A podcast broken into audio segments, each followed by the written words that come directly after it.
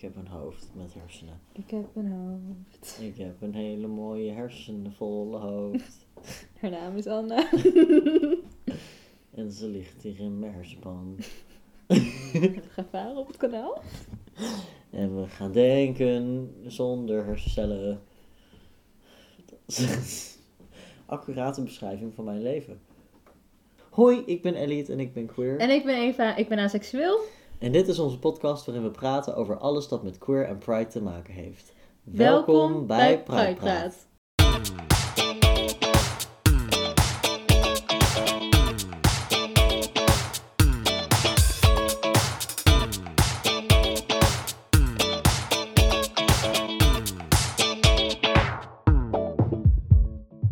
Welkom bij deze aflevering van Pride Praat. Yes, aflevering 22.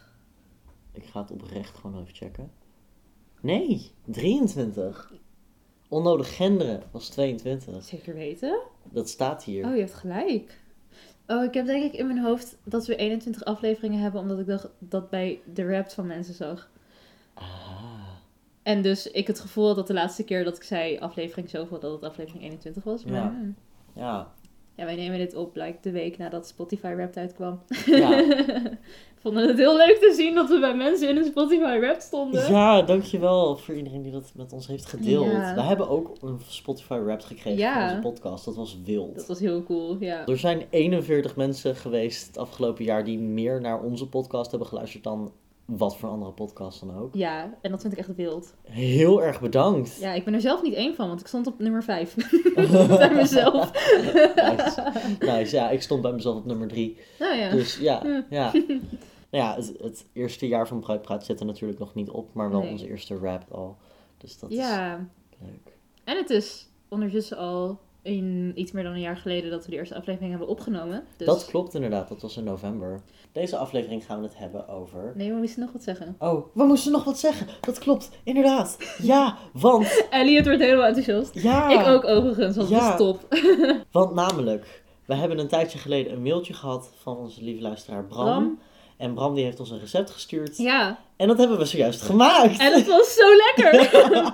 dus het waren paddenstoelenburgers en ik heb er echt heel erg van genoten. het was oprecht ook like, de, de citroen eh mayonaise. ja. Dat is echt lekker. Dat is echt gewoon een goede, goede toevoeging qua smaak. Ja, het was echt top. Ja, Dus, Dus- nogmaals, heel erg bedankt. dankjewel Bram. Ja, dan door naar de aflevering. Yes. Deze week gaan we het hebben over Relatieanarchie. Nou Eva, wat is Elliot relatie? is relatieanarchist. wat is relatie? I don't know anymore. wat is praten? wat zijn woorden? Wat Wat is... is podcast? Wat is relatieanarchie, Elliot? Dat is een hele goede vraag, Eva. Ik ben zelf een relatieanarchist, zo Mhm. noem ik dat. Heel kort uitgelegd is het eigenlijk de politieke stroming anarchisme toegepast op relaties. Oké. Ja, ik ga ervan uit dat niet iedereen weet wat anarchisme Mhm. inhoudt. En daarom heb ik wel eventjes mijn beste vriend Google. Er zijn een aantal waarden die nagestreefd worden, I guess, in relatieanarchie. Zoals autonomie, anti-hierarchische, eh, ja, an- gewoon anti-hierarchie. Wat inhoudt waar normaal gesproken eh, binnen onze amatonormatieve samenleving Mhm. Ehm, ja, een woord van een Ja, ik vind het zo grappig geleden. hoe vaak jij dit woord gebruikt sinds je het hebt geleerd. Ja, het is het beste woord. Voor de mensen die het niet meer weten, amatonormativiteit is heel erg het monogame, hetero, cis, huisje, boompje, beestje met kinderen. Zit er per se idee. iets mee? Ik denk het wel. Oké. Lijkt me wel amatonormatief. Denk I don't know. Nou ja, oké. Het is gewoon heel erg dat iedereen toeleeft naar een huisboombeestje. Ja. Soort van. ja, vaak in een huisje, boompje, beestje-achtige setting is het, is, is het zo dat je partners, zeg maar je romantische partner, ik zeg meteen ook partners, want ik ben poly, het is voor mij zo. is het zo dat je romantische partner je nummer één is? ja. Ja, dat dus niet. Het anti-hierarchie staat hierin heel erg dat eh, alle relaties op een gelijkwaardig level staan. Ja. En dat de, ja, of de waarde van de relatie niet per se wordt bepaald door of het romantisch is of niet. Mhm. En dan een aantal dingen waarvan ik niet per se wist dat het er ook bij zat. Bij Of geval anarchisme of relatieanarchisme? relatieanarchisme. Mhm. Wat ik wel interessant vind is een afwezigheid van beheersing door de regering. Of nou ja, nee, ja, dat is heel letterlijk vertaald. Er staat of lack, lack of state control. Maar dus een afwezigheid van beheersing door de wet, I guess, is Ja. de beste manier om te verwoorden. En dat gaat heel erg over het feit dat mensen die getrouwd zijn, Mhm. Mm. ehm, Ja. meer rechten hebben binnen hun relatie dan mensen die niet getrouwd zijn. Ja. En je kan maar met één persoon trouwen. Ja. En dat is heel raar, Ja. vind ik zelf. Want als je meerdere relaties hebt, je, like, dat, kan, dat kan niet volgens de wet, kan je niet met meerdere mensen trouwen. Nee. Er zijn ook nog steeds best wel wat landen waarbinnen vreemdgaan, zoals dat gezien zou worden, of meerdere relaties hebben, gewoon illegaal is en strafbaar Oh, is ook. Ja. heel wild, precies. En dat is dus ook een stukje dat binnen relatieanarchie blijkbaar belangrijk is. Is dat het niet op zo'n manier van, oh ja, dat er een wet is waar, waarmee je kan trouwen en dat je dan Ja. relatie meer waarde geeft, zeg maar, Ja. mhm. dan andere relaties. Ook antinormativiteit, ja, dat spreekt best wel voor zich, denk ik. Relatieanarchie wordt vaak gezien als een vorm van non-monogamie. Het is... Het hoeft niet, toch? Nee, dat precies. er ja, staat dat was ook- mijn blik. Precies, er staat ook eh, hier van het is niet per se non-monogamie. Het, gaat, het is meer anti-mononormativiteit. ja. Want, nou ja, mononormativiteit, en die is heel erg, eh, hè, wat ik net ook al zei, hangt ook een beetje samen met dat hiërarchische. Dat een monogame relatie de belangrijkste relatie is die je hebt in je leven. En dat dat de norm hoort te zijn. Relatieanarchisme is daar een beetje een tegenhanger van. Ja. Die eigenlijk gewoon zegt van nee, dat hoeft, dat hoeft helemaal niet zo te zijn. Ja. mhm. Ja. De reden dat we het hierover willen hebben, is omdat ik natuurlijk niet altijd relatieanarchist ben geweest. Het is ongeveer een jaar geleden, denk ik, om, om en nabij een jaar geleden, dat ik besloot van, oh ja, dat is iets wat, wat ik interessant vind, waar ik me meer in wil verdiepen. En dat het, dat het op een gegeven moment zoiets was van, oh ja, oké, dit, is, dit is iets wat ik wil. En het grappige daarvan is dat jij de trigger daarvoor bent geweest bij mij, zeg maar, dat het Nou, aanzetpuntje. ik ben blij dat ik ehm, je relatie anarchist heb kunnen laten worden. Ik dacht oprecht heel even dat je ging zeggen, ik ben blij dat ik je relatie kapot heb gemaakt. Want, like, want, het, want het valt, like dit, de ontdekking hiervan valt voor mij heel erg samen met het uitgaan van mijn vorige ja, relatie. want die zetten je wel altijd op één. Ja, precies. Dat was Mhm. namelijk, ik, wat ik al zei, hè, ik ben echt absoluut niet altijd een relatieanarchist geweest. Ja. Sterker nog, mijn vorige relatie was heel erg een relatie waarbij ik... Ik had mijn partner op nummer 1 staan, niet mezelf. Ik koos niet dingen Oh voor ja, mezelf, ik ja. koos echt dingen voor haar. En het was wederzijds ook. Ja. Zeg maar, we hadden elkaar op nummer 1 staan. En we waren ook gewoon heel codependent. Ja, Ja. Dan krijg je dat. En op het moment dat die relatie tot een einde liep, kwam ik er eigenlijk heel erg, had ik heel erg zoiets van, oh, dat is iets dat ik eigenlijk niet meer wil. Mhm. En dat hielp me ook heel erg in dat aanzetje wat meer naar relatieanarchie. Mhm. Maar het was al een tijdje een beetje een build-up. Want je had mijn podcast aangeraden. Sounds fake, but okay. Waarin ze het op een gegeven moment hebben oh ja, over... die zeuren daar ook een hele aflevering lang over, volgens mij. Ja, het, wat, wat het bij mij een beetje, een beetje sparkte, was dat ik tijdens het afwassen een keer aan het luisteren was naar een aflevering over QPR's. Oftewel Ah, ja. Queer Platonic Relationships. Yes. Kan jij even uitleggen wat een Queer Platonic Relationship is? Ja. dat is een relatie met iemand die niet per se onder de standaard normen van platonische relaties valt, Mhm. maar ook niet onder romantische. Oké, ja. Want het is wat like meer of zo, of Ja. anders dan een echt normale, gewone platonische relatie. Ja. Ja. Ja, en nou ja, daar ging dus een aflevering ging daar dus over wat is een queer platonic relationship Ja. en gewoon hoe ziet dat eruit en nou ja, dat is, die podcast is een beetje vergelijkbaar met ons format. Dus Ja. op een gegeven moment ook gewoon een beetje aan, het, aan elkaar aan het vragen van goh, zou je dat willen of niet? Ja. toen begon ik er heel erg over na te denken voor mezelf, omdat het toen net single was voor het eerst in drie jaar Mhm. dat ik op mezelf was. En ik heel erg zoiets had. Ik me heel erg af was gaan zetten tegen het idee van een relatie zoals mijn vorige relatie. Waarin ik zo heel erg afhankelijk was van iemand. Mhm. En iemand van mij. En ik heel erg zoiets van, oh, dat wil ik niet meer. En toen kwam dus ineens dat queer platonic kwam zo op mijn pad. En dat, wat het eigenlijk bij mij heel erg aanzette, was een bepaald soort gedachtegang van...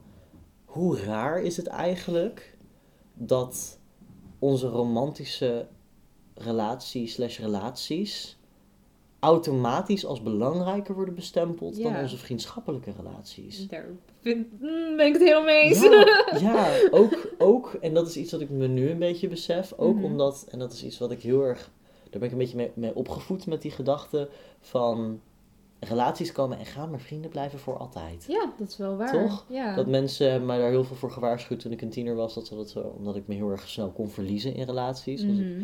als tiener al Mhm. helemaal dat ik echt een beetje weg, weg kon zinken in, in, in, dat, ja, in die gewoon fijne stofjes die dan vrijkomen. En dat ik dan een beetje mijn vrienden ging verwaarlozen. Wauw, heb ik nou nooit gemerkt. De shade, de shade. Weet je, al die relaties zijn allemaal beëindigd. ja. Maar jij bent nog steeds in mijn leven. I'm still here. Snap je? en nou ja, toen begon ik daar gewoon een beetje over na te denken. En op een gegeven moment had ik echt zoiets van... Het is gewoon letterlijk de enige reden dat het zo is. Dat de rom- romantische relaties die we hebben in ons leven... als belangrijker tussen aanhalingstekens worden bestempeld... dan onze vriendschappelijke relaties. Mhm.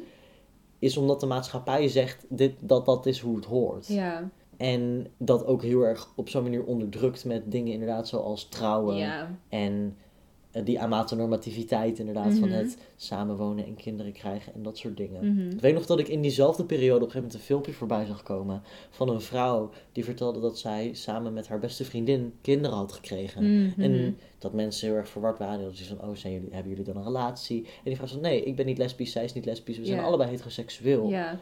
Ehm, en dat ze toen uitlegde van, wat ik zoek in een partner, ik heb dat tot nu toe nog steeds niet kunnen vinden. Mhm. Als ik kijk naar wat ik zoek in iemand waarmee ik samen kinderen opvoed, dan is dat niet hetzelfde als iets wat ik zoek in een partner. Nee, dat zou helemaal, dat hoeft inderdaad ook helemaal niet een romantisch iets te zijn. Nee, precies. Ze legt heel erg uit van ik wil samen kunnen lachen.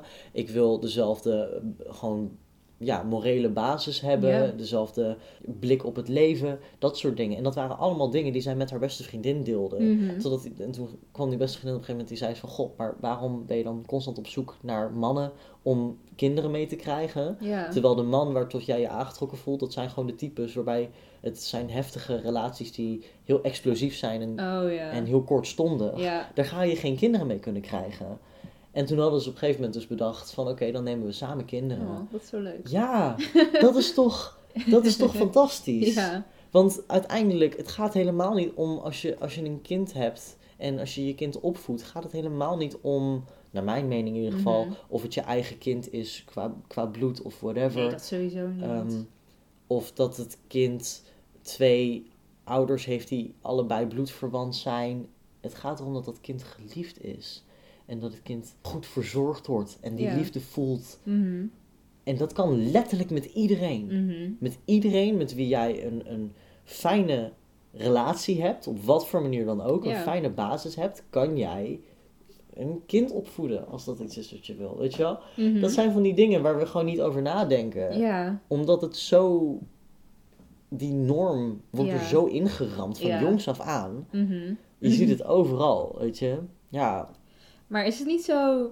En ik heb hier natuurlijk geen ervaring mee. Mhm. Maar ik ging altijd vanuit dat zeg maar romantische gevoelens wel like, intenser waren Mhm. dan platonische gevoelens. En dat het Mhm. daarom op een manier wel logisch is om het hoger te plaatsen. Ook al ben ik het daar ook niet mee eens. Maar ja. zeg maar, ik dacht dat het wel gewoon ergens vandaan kwam. Ja, het, ik snap ook wel dat het ergens vandaan komt in die zin, inderdaad. Want het is het gevoel dat je hebt als je iemand romantisch leuk vindt, is gewoon heel verslavend. Het is gewoon oprecht een heel verslavend gevoel. En het is een beetje vergelijkbaar met als je een kind hebt en je zet een, like, tegenover dat kind een bord met groenten, like spersieboontjes en een reep chocola. Dan zal dat kind liever die reep chocola eten als het de keuze heeft. Mhm. En ik denk dat dat in een zekere zin. Ik heb het gevoel dat ik vergeleken word met Ik vind versieboontjes. spersieboontjes heel lekker. je bent lekker, Eva. Nee, Ehm, nee oké. als je ja, fair. Dat is niet helemaal de juiste vergelijking. Maar het, is, het gaat meer om. Dat stofje is verslavend. Ja. En dus is het in die zin begrijpelijk op het moment dat als je iemand leuk vindt, dat je dan graag veel bij die persoon bent en veel met die persoon doet. En dat, dat snap ik. Mhm. Iets wat ik zelf daarin heel erg merk, is dat het voor mij niet werkt op die manier. In de zin van ja, als ik iemand leuk vind, heb ik heel erg die gevoelens en wil ik graag veel bij die persoon zijn. Mhm. Gewoon door die fijne stofjes. Maar ik merk ook dat als ik heel veel bij die persoon ben, dat dat op een gegeven moment heel erg af gaat doen aan de waarde van de relatie. Of nou ja, Oh. niet per se de waarde van de relatie, meer gewoon het gevoel dat ik erbij heb. Oh. En dat komt misschien ook gewoon door de manier waarop dat voorheen heel erg is geweest. Want in mijn laatste relatie was het heel erg. De relatie was een soort regel. Waarbij, en dat is iets wat, waarvan ik ook. Dat is ook weer iets waarom ik dus heel erg heb ingehaakt op dat relatieanarchisme. Ja. Omdat dat voor mijn gevoel ook heel erg benadrukt dat je al je relaties zelf volledig zo in kan richten zoals je dat zelf wilt Ja. binnen die relatie. En dat vind ik heel fijn.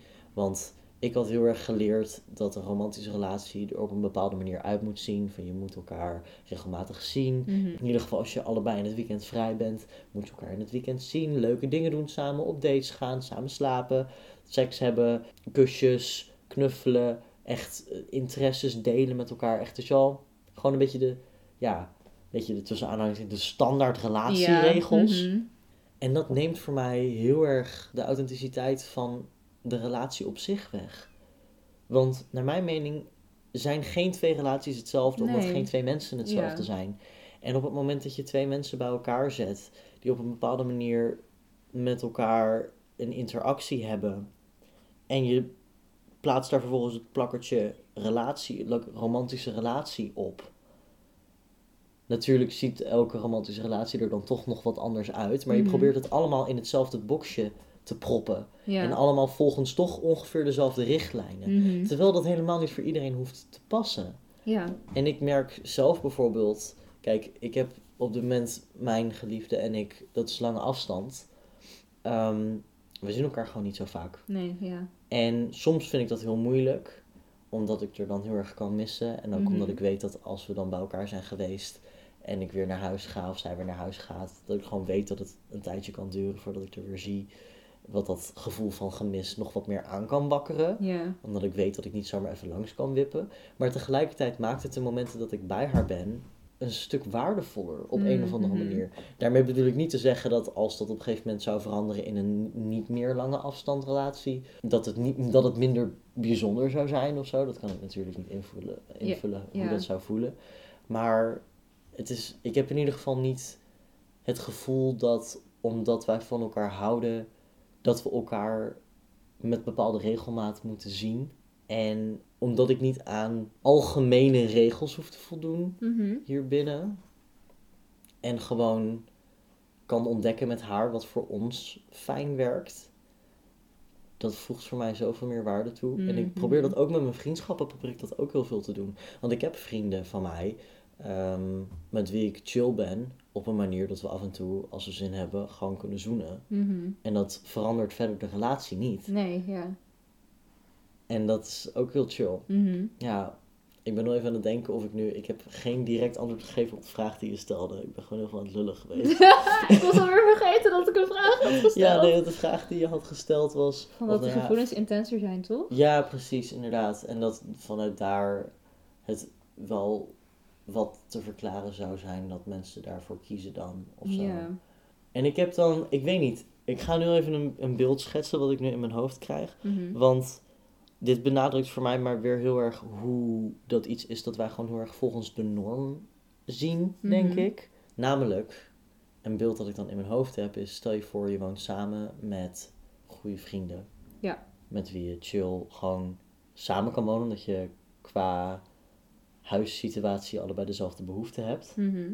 En dan vervolgens heb je een romantische partner, Mhm. waar je dan vaak naartoe gaat om elkaar te zien. Mhm.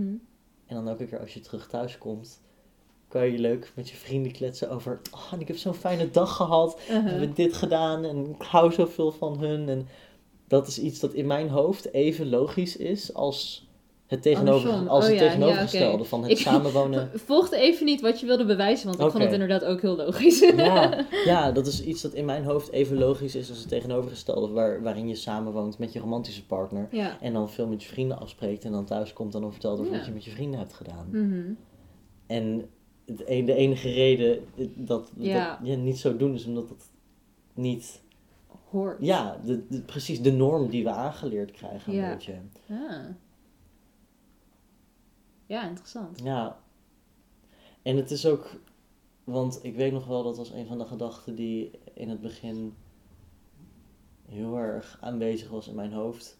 Dus dat ik eigenlijk zoiets had van, ah, ik weet niet of ik wel samen zou willen wonen met een romantische partner Hmm, van mij. interessant. Ja, puur omdat ik het, ik vind het heel fijn om in de buurt van mijn geliefde te zijn. Ik kan er echt van genieten. Alleen is dat niet wat ik zoek in samenwonen. Ja. Ik heb nu twee keer op kamers, op twee verschillende plekken op kamers gewoond waar ik vrienden ben geworden met de mensen met wie ik samenwoonde. En dat was iets dat ik veel chiller vond Hmm, mhm. dan het idee van samenwonen met een romantische partner. Wow, wat interessant. Ook omdat ik het gevoel, en dat komt dan ook weer een beetje voort uit natuurlijk het, ja, weer dat, dat, dat stukje, die, die, om het maar heel even zo te noemen, relatieregels. Mhm. Van je hebt een romantische relatie, dus zijn er bepaalde aspecten die natuurlijker vormen in die relatie, zoals het kussen en het intiem zijn en dat soort dingen. Wat ik minder heb met mijn vrienden. Als in, ik vind het like, heel chill om lekker tegen mijn vrienden aan te kruipen, lekker te knuffelen, gewoon gezellig dat soort dingen te doen. Maar er zit voor mijn gevoel minder een must achter. Hmm, ja. Waarbij ik het gevoel heb bij een romantische relatie, omdat het toch dingen zijn die je sneller wil binnen een romantische relatie. Van je wil sneller eh, elkaars hand vasthouden of lekker samen echt romantisch lekker knuffelen of kussen of dat soort dingen. Dat als dat een keertje dan niet zo gaat, of dat ik daar gewoon geen behoefte aan heb, dat het dan sneller fout is of zo. Oh ja, dat kan ik me voorstellen. van, ja. van, oh, maar waarom wil je dat dan nu niet? Mhm. En in die zin heb ik ook een beetje het gevoel dat het onderhouden van romantische relaties met een hoge frequentie, en daarmee bedoel ik mensen die je dan vaak ziet, like elke dag, elke dag of whatever, dat dat veel meer moeite kost Ah. dan vriendschappen die je elke dag ziet. Ja. Want bij vrienden, en dat, dat is natuurlijk hè, puur gewoon op basis van alle ervaringen die ik tot nu toe heb gehad in mijn leven. Mhm. Dat betekent niet dat het zo is, betekent niet dat het voor mij ook altijd zo gaat blijven, maar Ja. dat is hoe ik er nu tegenover sta. Maar met vrienden kan ik gewoon echt uren lullen om niks, Mhm. dag na dag na dag. Mhm. Ik heb dat nu ook met een van mijn huisgenootjes. We hebben gewoon een soort avondroutine waarbij we dan samen thee drinken. Oh, ja. En dan af en toe dan hebben we verhalen en dan zitten we echt constant te lullen en te, te geinen. Dat en is soms- nice. En soms dan hebben we gewoon niks te zeggen. En dan zitten we gewoon allebei thee te drinken en naast elkaar op de bank om ons eigen ding te doen. Mhm. Het is wel gewoon fijn om bij elkaar te zijn. En natuurlijk is dat ook iets dat je kan hebben binnen een romantische relatie. Dat besef ik me ook wel. ja, dat zou eigenlijk wel moeite zijn. Ja, zeggen, toch? ja, precies, precies. Alleen het is iets dat ik zelf niet heb ervaren Ja. op Mhm. die manier. Dus het is iets dat ik zelf gewoon minder koppel aan een romantische relatie op die manier. Ja, dat snap ik. Ja, iets wat ik fijn vind aan romantische relaties op dit moment is gewoon het, het nou ja, dat verslavende gevoel, gevoel zeg maar. Mhm. En toch dat het, het, voelt een beetje als een, een cadeautje, een beetje een soort toetje Mm, of zo. cute. En ik denk dat toetje daarin een heel erg eh, mooie vergelijking is, want je moet elke dag eten Mhm. en dan zijn vriendschappelijke relaties is daarbij like, gewoon, gewoon eten, like middageten, avondeten, whatever. Paddenstoelenburger. Ja, precies. je hoeft niet... Vriendschappen zijn paddenstoelenburger. En je moet elke dag eten, maar je hoeft niet elke dag een toetje. Ja. Het is wel lekker om een toetje te eten, Mhm. maar het hoeft niet elke dag. Ja. En als je elke dag een toetje eet, dan is het op een gegeven moment routine. En niet meer zo speciaal als Oh wanneer ja, je maar één ja. keer in de zoveel tijd een toetje Mhm, eet. mhm. Weet je, dat is, ja... Ja. Ja, dat is eigenlijk best wel apart, want ik kan inderdaad volgens mij veel makkelijker leven. Ik wilde zeggen naar mijn ervaring, maar dat is logisch. Maar mhm. zonder romantische relatie dan zonder vrienden. Oh, En met absoluut. romantische. En dan Oh, is het toch best wel raar dat een romantische relatie als zoveel belangrijker wordt gezien. Ja, nee, nee, maar daar sluit ik mij volledig bij aan. Ik heb het met meerdere mensen heb ik het daarover gehad. En dan is het inderdaad van, heb je liever geen vrienden of geen romantische relatie? En ik ken eigenlijk bijna niemand die zou reageren met, oh, ik heb liever geen vrienden en wel een Ja. romantische relatie. Mhm. Ook omdat, en dat is wel een klein interessant bruggetje voor mijn gevoel naar polyamorie. Mhm. Want Oh ja. mensen hebben vaak meerdere vriendschappelijke relaties en Ja. maar één romantische relatie. Mhm. En En één persoon is gewoon te weinig. ja, Ja, want ik heb ook zeg maar, ik doe met al mijn vrienden andere dingen en ik ga met andere dingen naar andere vrienden. En als je dan maar één persoon hebt. precies. En dat is ook heel normaal. Ik bedoel, ieder mens is anders. En je bent ook... Ik vind zelf, en dat is ook waarom ik eh, een polyamorist ben... is ik geloof niet dat er... Kijk, ik ben een heel persoon met heel veel verschillende kanten en heel Ja. veel verschillende behoeften. Ik geloof niet dat er iemand op deze planeet rondloopt Oh. die precies al die dingen zo kan zien of daaraan kan voldoen op Ja, een manier mhm. die voor mij perfect is. Ik geloof dat er heel veel mensen zijn die heel fijn bij mij kunnen passen.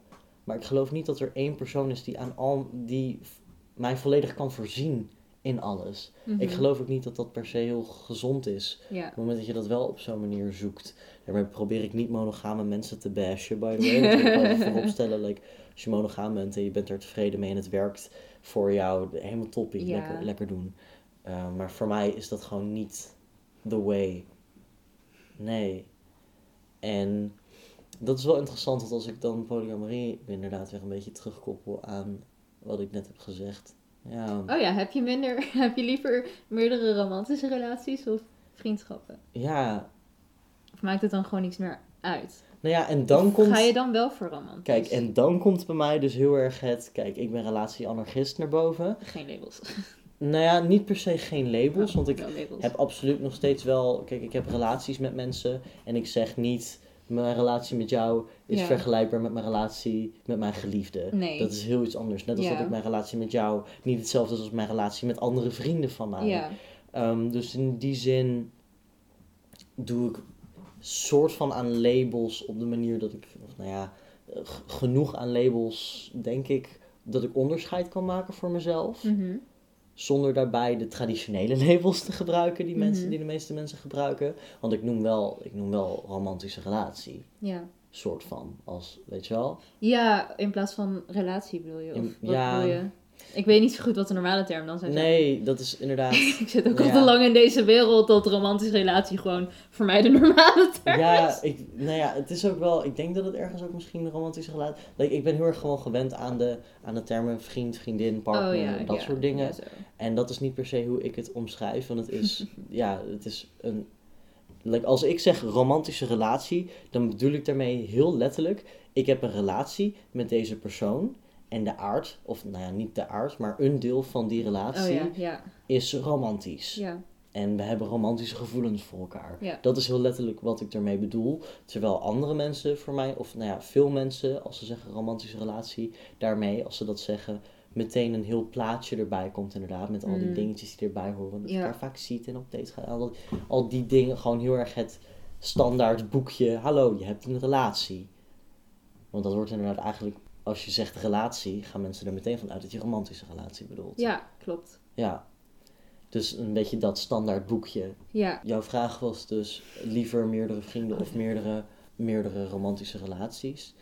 En dan kom ik dus inderdaad met mijn, ja, mijn anarchist als antwoord. Waarin ik daar denk ik toch niet helemaal, of nou ja, het, het ding is dat het nu een beetje, wat ik het irrit, of wat het, wat het lastige daarvan is, is dat het een beetje tegenspreekt wat ik net zei. Mhm. Omdat ik wil zeggen, ik maak daarin niet echt onderscheid. ja, En met ik maak daarin niet echt onderscheid, bedoel ik vooral dat het belang ervan voor mij niet.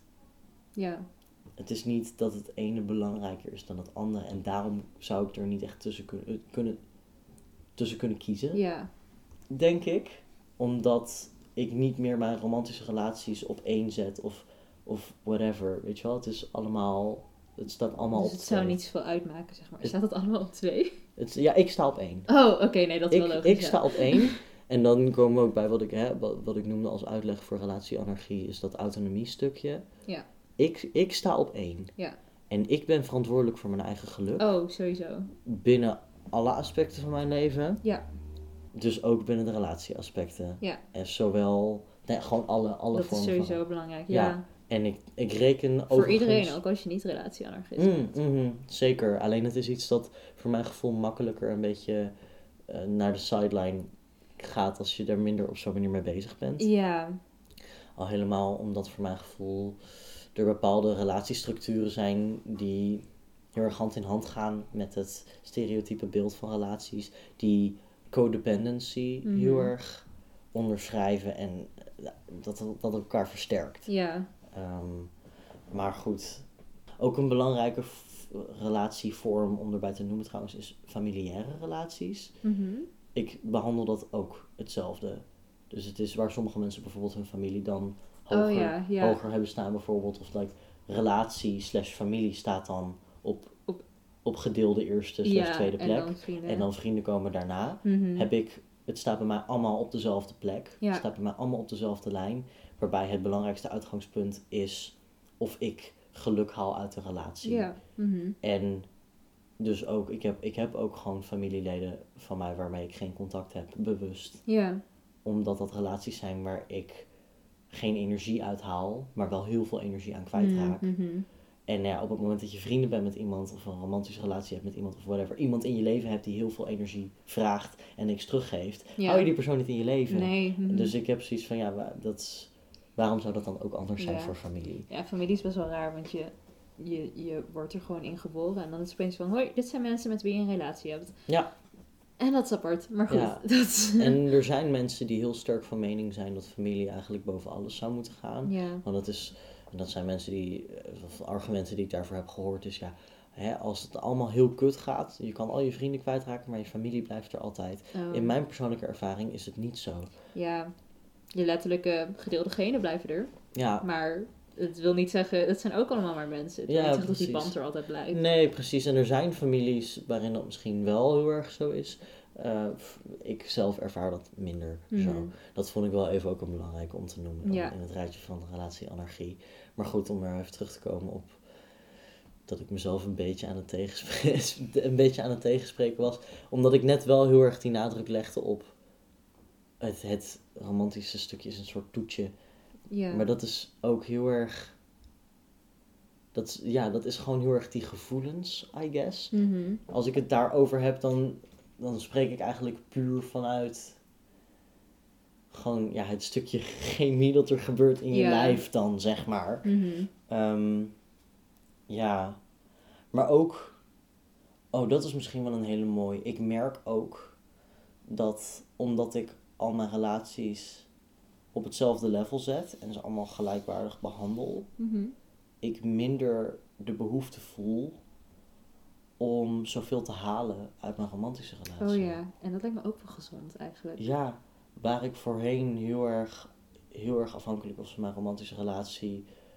Het was toch een beetje een samen uit, samen thuis met eigenlijk alles wat in Hmm. ons leven, zowel mijn leven als haar leven, speelde. Mhm. Ehm, we hielden elkaar altijd op de hoogte van alles. En ehm, nou ja, wat ik eerder ook al zei, het was ook een heel erg codependent relatie. Dus dat doet daar ook wel een, een stukje in natuurlijk.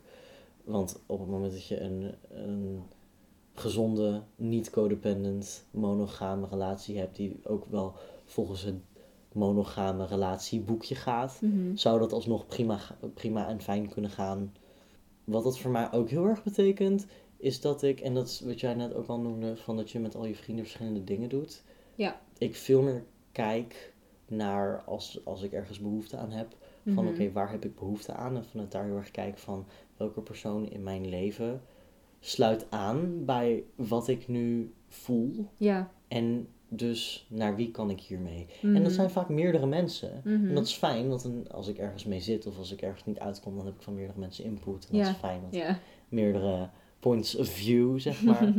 Eh, ik, behandel mijn mijn, ik behandel mijn geliefde daarin hetzelfde.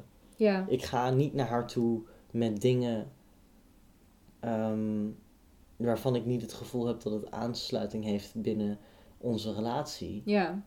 Waar ik dat in voor voorgaande monogame relaties wel sneller deed. Ja. Uit een soort van standpunt van, oh jij bent mijn partner, dus jij moet op de hoogte Ja. blijven van de dingen in mijn leven. Het is veel handiger als je gewoon naar de persoon toe kan gaan. Met wie je er het beste over kan praten, weet je wel. Ik ja. kan me dat dus echt niet voorstellen. Dat je altijd het gevoel hebt dat je naar dezelfde persoon moet gaan. Wat wilde jij net zeggen? Nou, ik wilde zeggen dat je wel leuk begon met ehm, dat het door mij komt, deels. Dat Ja. je relatieanarchist bent geworden. Maar volgens mij heb je het helemaal niet uitgelegd. Dat klopt.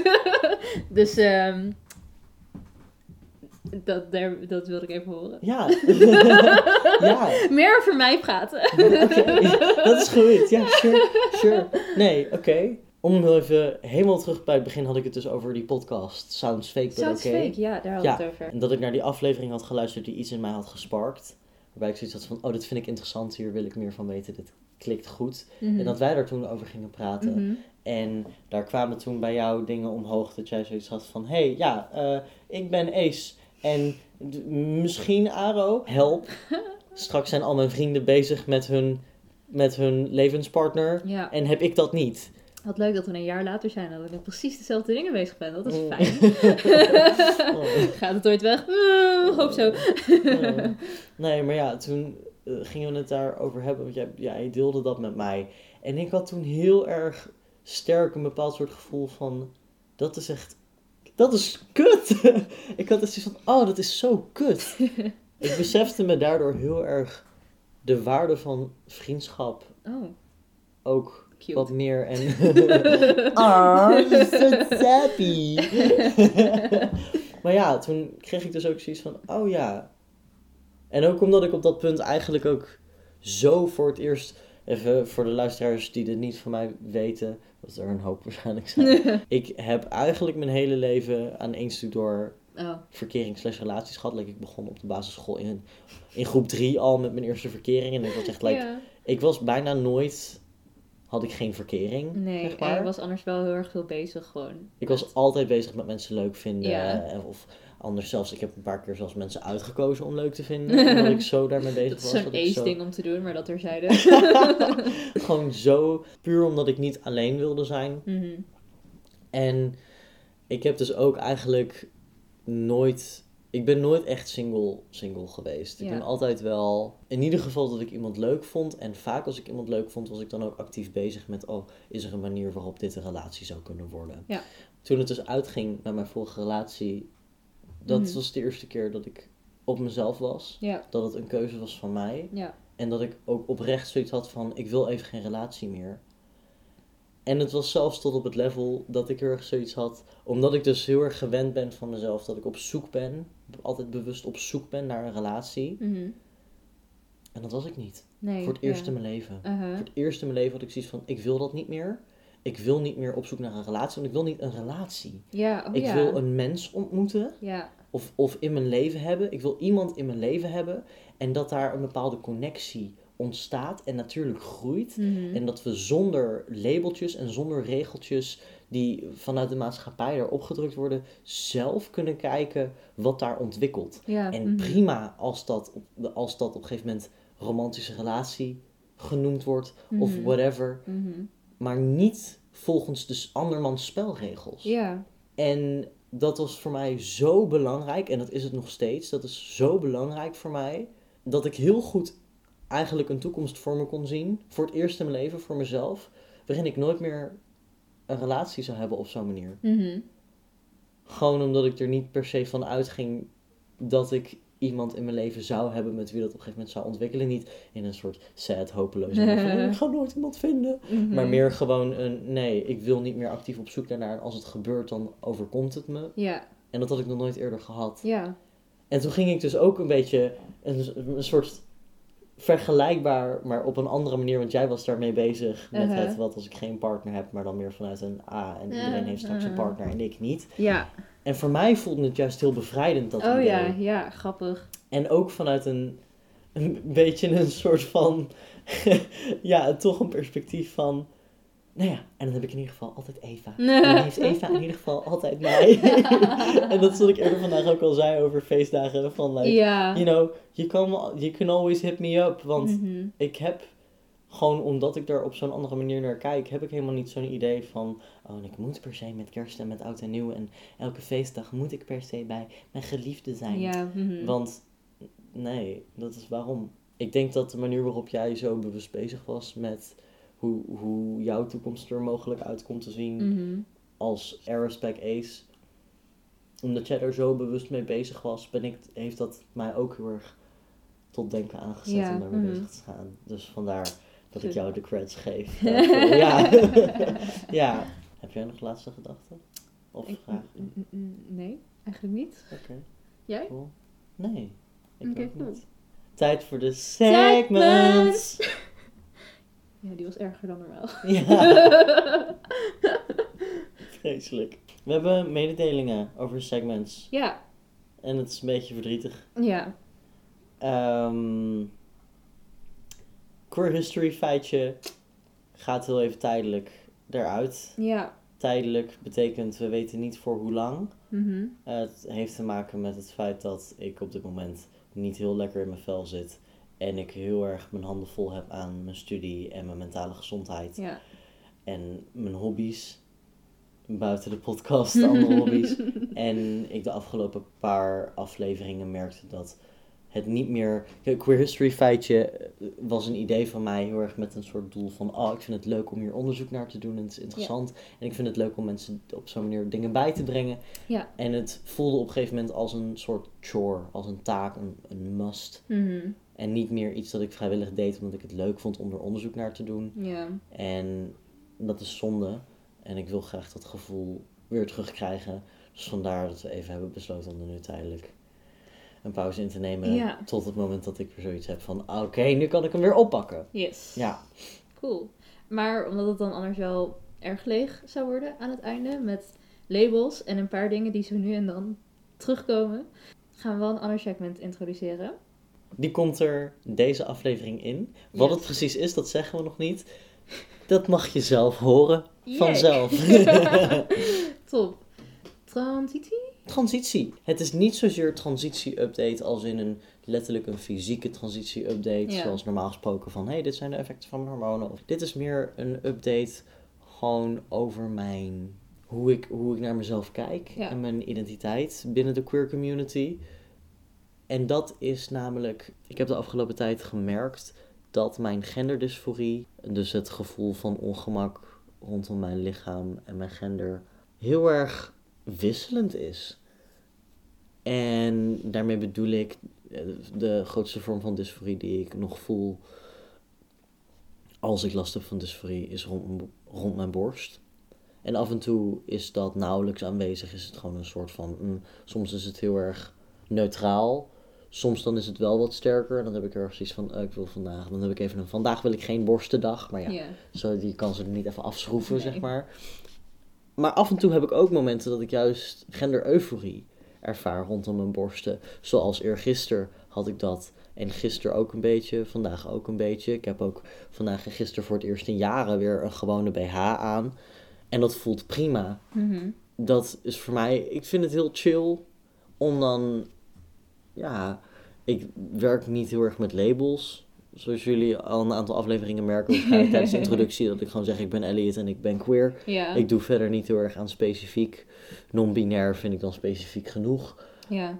Ik heb nu eigenlijk voor mezelf gewoon besloten dat ik het helemaal oké vind dat mijn lichaam en mijn genderdysforie gewoon fluctueert en dat het verschilt van tijd tot tijd. En daarbij komt voor mij ook, denk ik, dat pronouns me niet meer zo boeien. Ja. Mhm. Wat ik ook een verademing vind. Ik mer en daarin, Oh, ja. ik merk gewoon oprecht, mijn voorkeur gaat dan oprecht uit naar genderneutrale pronouns. Waarbij Ja. ik echt merk als genderneutrale pronouns gebruik dat ik zo'n gevoel krijg van, ah yes, Mhm. dat is nice. Mhm. Maar als mensen hij of zij gebruiken, afhankelijk van de context, Ja. boeit het me niet zoveel. Mhm. Hij is een, ik ben er onderhand aan gewend. En de meeste mensen die mij hij noemen, doen dat omdat ze niet goed overweg kunnen met de genderneutrale pronouns. Maar noemen me niet hij omdat ze me zien als een man. Mhm. En dat voelt prima. Mhm. Evenals dat mensen die mij zij noemen, als ze mij zij noemen en ik daarnaast weet dat ze mij niet zien als vrouw, is dat ook prima. Want ik ben geen man en ik ben geen vrouw. Maar verder zijn die pronouns in combinatie met mij los te koppelen van die binaire genderidentiteiten voor mij persoonlijk. Ja. Mhm. En dat is chill. Nice. Ja, Nice. dus dat is mijn transitie-update. Cool. En ik hoop dat ik hiermee mogelijk een aantal mensen die, weet ik veel, ermee worstelen of het moeilijk vinden, eh, een beetje eh, inspiratie heb kunnen geven. Wie Hmm. weet, wie weet, misschien zit er iemand tussen. Nice. Cool, dan gaan we door naar labels. Die heb Labels. jij deze week. Labbel. Labbeltjes. Die heb ik inderdaad. Ja. Ehm, ja, mijn label is grey sexual. Grey sexual. Waarvan ik niet weet wat de Nederlandse naam is. Is het grijs seksueel? Ik Volgens denk mij Ook gewoon Niet. grey sexual. ja, toch? Is het grey sexual of grey asexual? Want ik heb Eh ze kan alle- allebei. Oké, ik Ja, het is hetzelfde. zeggen. Ja, ik heb ze allebei namelijk wel eens gehoord. Oké. Ja. Wat is dat? Het kan ook afgekort worden naar grey ace of grace. Grace. Die cool. kende ik nog niet. Cool. Wat is dat? Dat is een seksuele oriëntatie. Cool. En wat houdt het in? Het is een seksuele oriëntatie op het aseksuele spectrum. Wat een, ver- wat een verrassing. Grey sexual betekent eigenlijk dat je wel seksuele aantrekking voelt of kan voelen, maar dat het like, minder vaak gebeurt dan bij alle seksuele mensen. Oké. Ja, ik definieer het zelf altijd als dat je soms maar seksuele aantrekkingskracht voelt. Ik heb er op de LGBT-wiki staat ehm, dat ehm grey sexual gaat over mensen die zich wel herkennen in aseksualiteit, Mhm. maar niet het gevoel hebben, of het gevoel hebben dat er delen zijn van hun ervaring die niet helemaal goed kunnen worden beschreven met het woord aseksueel. Oké. Wat wel een iets like, betere definitie is waarschijnlijk dan wat ik net zei. Ja, dus dat is grey sexual. Oké. De vlag is paars, grijs, wit, grijs, paars. Oké, cool. Horizontale strepen. Ja. De vlag staat eigenlijk symbool voor iemand die begint zonder seksuele aantrekkingskracht. Mhm. Ehm, dat wordt gerepresenteerd door het paars, wat voor asexualiteit staat. Mhm. Dan komen ze in een like, fase met wel aantrekkingskracht. Dat is Mhm. Grijs naar wit. Mhm. Waarbij wit alloseksualiteit Representeert. representeert, dankjewel. En dan gaat het weer terug naar aseksueel. Dus daarom wordt het weer grijs-paars. Oké, dus heel erg mooi een soort fluctuerend spectrum. Ja. That's very interesting. Ah, dat is wel gaaf. Ja, Mooi weergegeven. ja Cool. dat was... Dat was labels dan. Ja, nou, Cool. Dan komen we bij het nieuwe segment. Oh, nee, komen Mag ik niet eerst?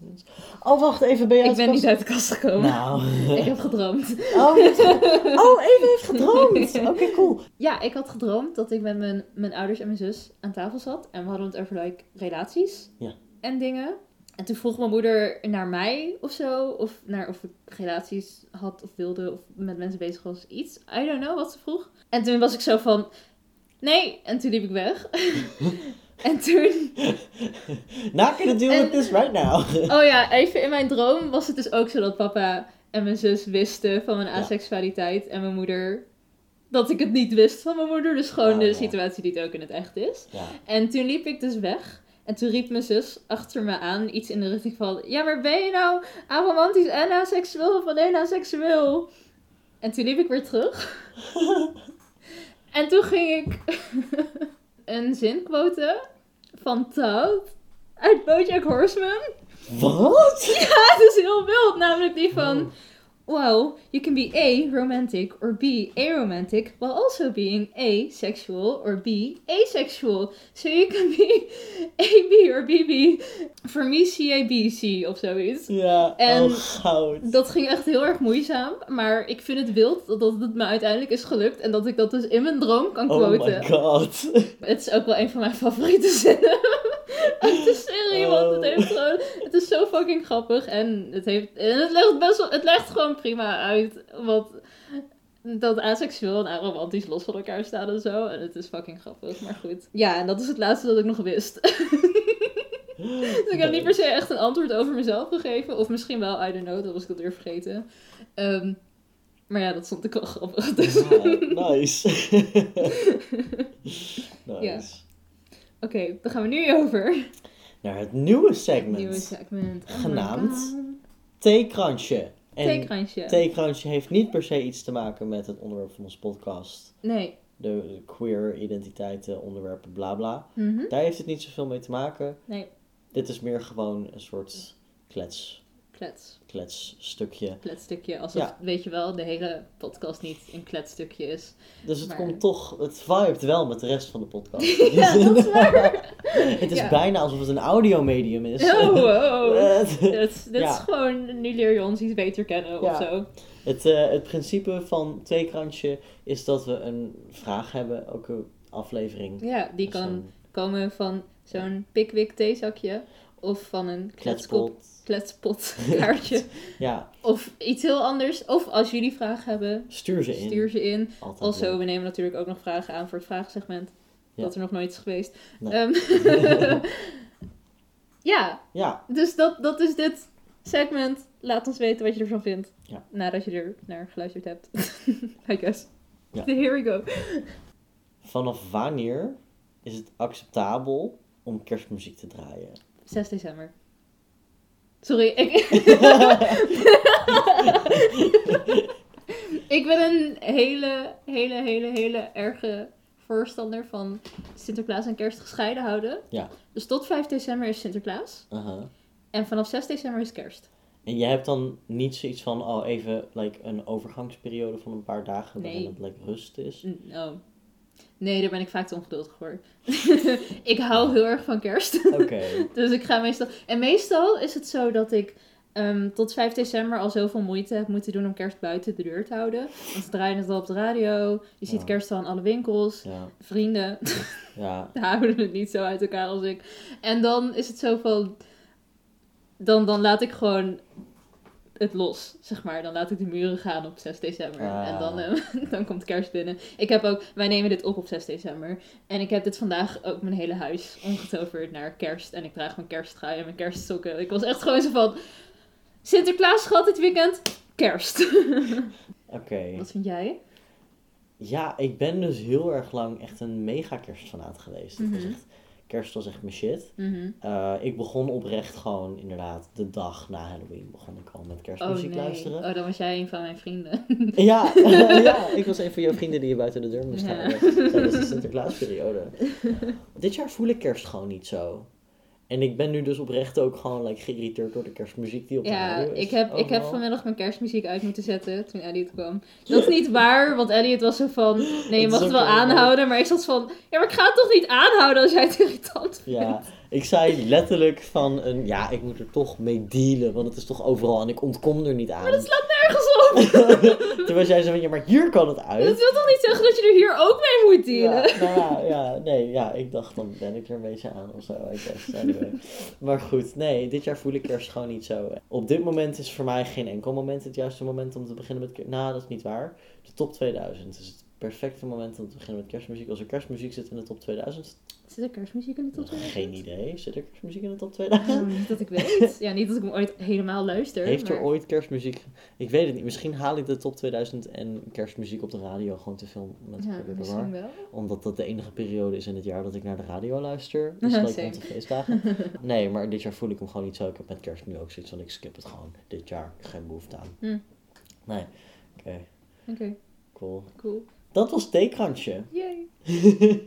Laat ons weten wat je ervan vond. Dankjewel voor het luisteren naar deze aflevering. Yes, we hopen dat jullie het leuk vonden. Als je nou iets hebt dat je met ons wilt delen, zoals je favoriete kerstmuziek Je afspeellijst, favoriete thee. een leuk recept, Ja. lekker, lekker recept. We hebben een nieuw recept nodig. Ja, En je hoort, we maken het serieus. we maken Dus het serieus. Wil je een review? ja. Let us know. Of vragen voor het vragensegment. Het vragensegment is een nieuw segment dat nog niet is geweest, maar waarbij, we, waarbij je alle vragen kan insturen, queer gerelateerd wel, Ja, waarvan je ze misschien niet durft te stellen. En dan gaan wij beoordelen of het een goede vraag is en zo niet uitleggen waarom het, een, waarom het geen goede vraag is en hoe je hem anders kan stellen. En dan hem eventueel beantwoorden als Ja. dat kan. het blijft overigens uiteraard anoniem. Oh ja, dat sowieso. Ja. En het is ook niet als we zoiets hebben van nee, dit is niet hoe je het vraagt, dat we dat dan like, beoordelen of zo. Nee. Het is juist zodat je leert hoe je vragen Precies, kan we stellen. gaan niemand afkraken, geen zorgen. maar als je dus zo'n vraag voor dat segment in wil sturen, of als je een idee hebt voor een label dat je wil dat we behandelen, klein traantje, want normaal gesproken begin ik met queer history feitje, maar dat is niet meer... Of nou ja, nee, je mag nog steeds Oh, queer history ja. feitjes insturen uiteraard, die worden gewoon later pas behandeld. Ja.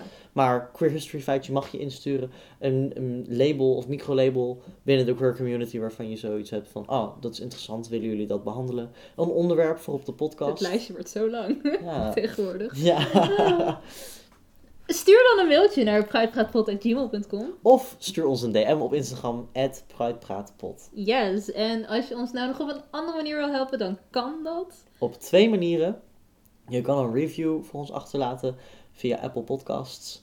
Of je kan het delen met andere mensen. Ja. Ga Sinterklaas achterna het dak op en ga erop staan en schreeuw heel hard... Luister naar Pruitpraat! Yes. Of, Ja, ik vind het een goed plan. ja... En breek of- geen benen, val er niet vanaf alsjeblieft. Nee, of, of je kan het ook gewoon, you know, met je vrienden delen door ze te appen of het gewoon tegen ze te zeggen. Of het gewoon random op te zetten, zonder context. Ja. Midden in een conversatie. Ja, precies. Dat kan natuurlijk ook. Dat is misschien wat veiliger. Maar goed, het zou de podcast oprecht heel erg helpen als je dat zou willen doen. Yes. Alvast heel erg bedankt. Dankjewel. En tot de volgende aflevering. Ja, tot over twee weken. Doei.